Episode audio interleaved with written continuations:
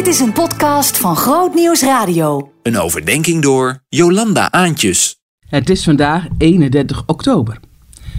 Een protestant viert dan hervormingsdag.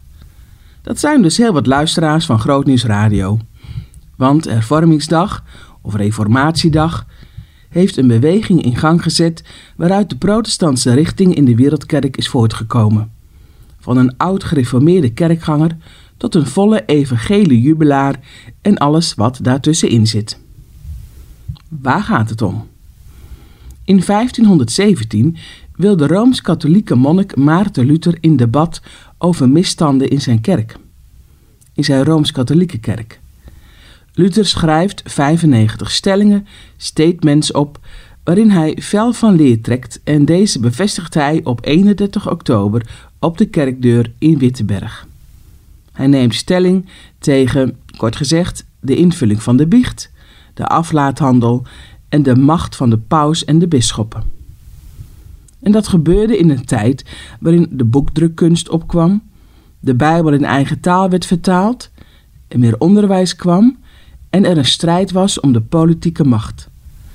Dat alles bij elkaar leidde ertoe dat een aanvankelijke rooms-katholieke hervormingsbeweging overgaat naar een brede protestbeweging, het protestantisme, en er een nieuwe vorm van kerk zijn ontstaat, waarin het uiteindelijk gaat om drie kernwoorden: genade, geloof en de Bijbel.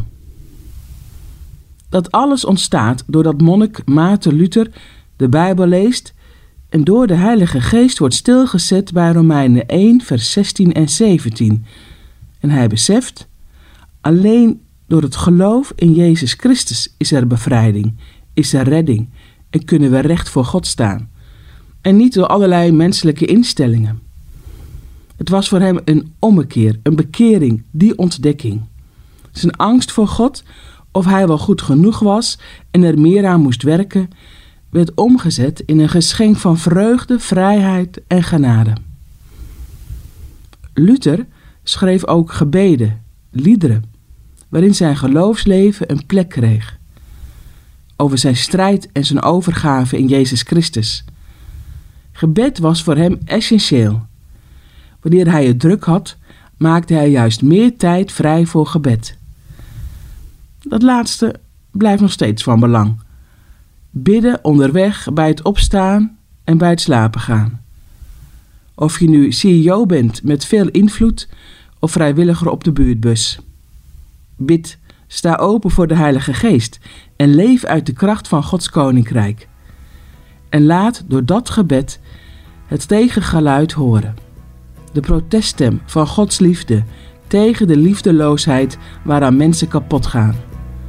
Wees zo aanwezig in je eigen omgeving.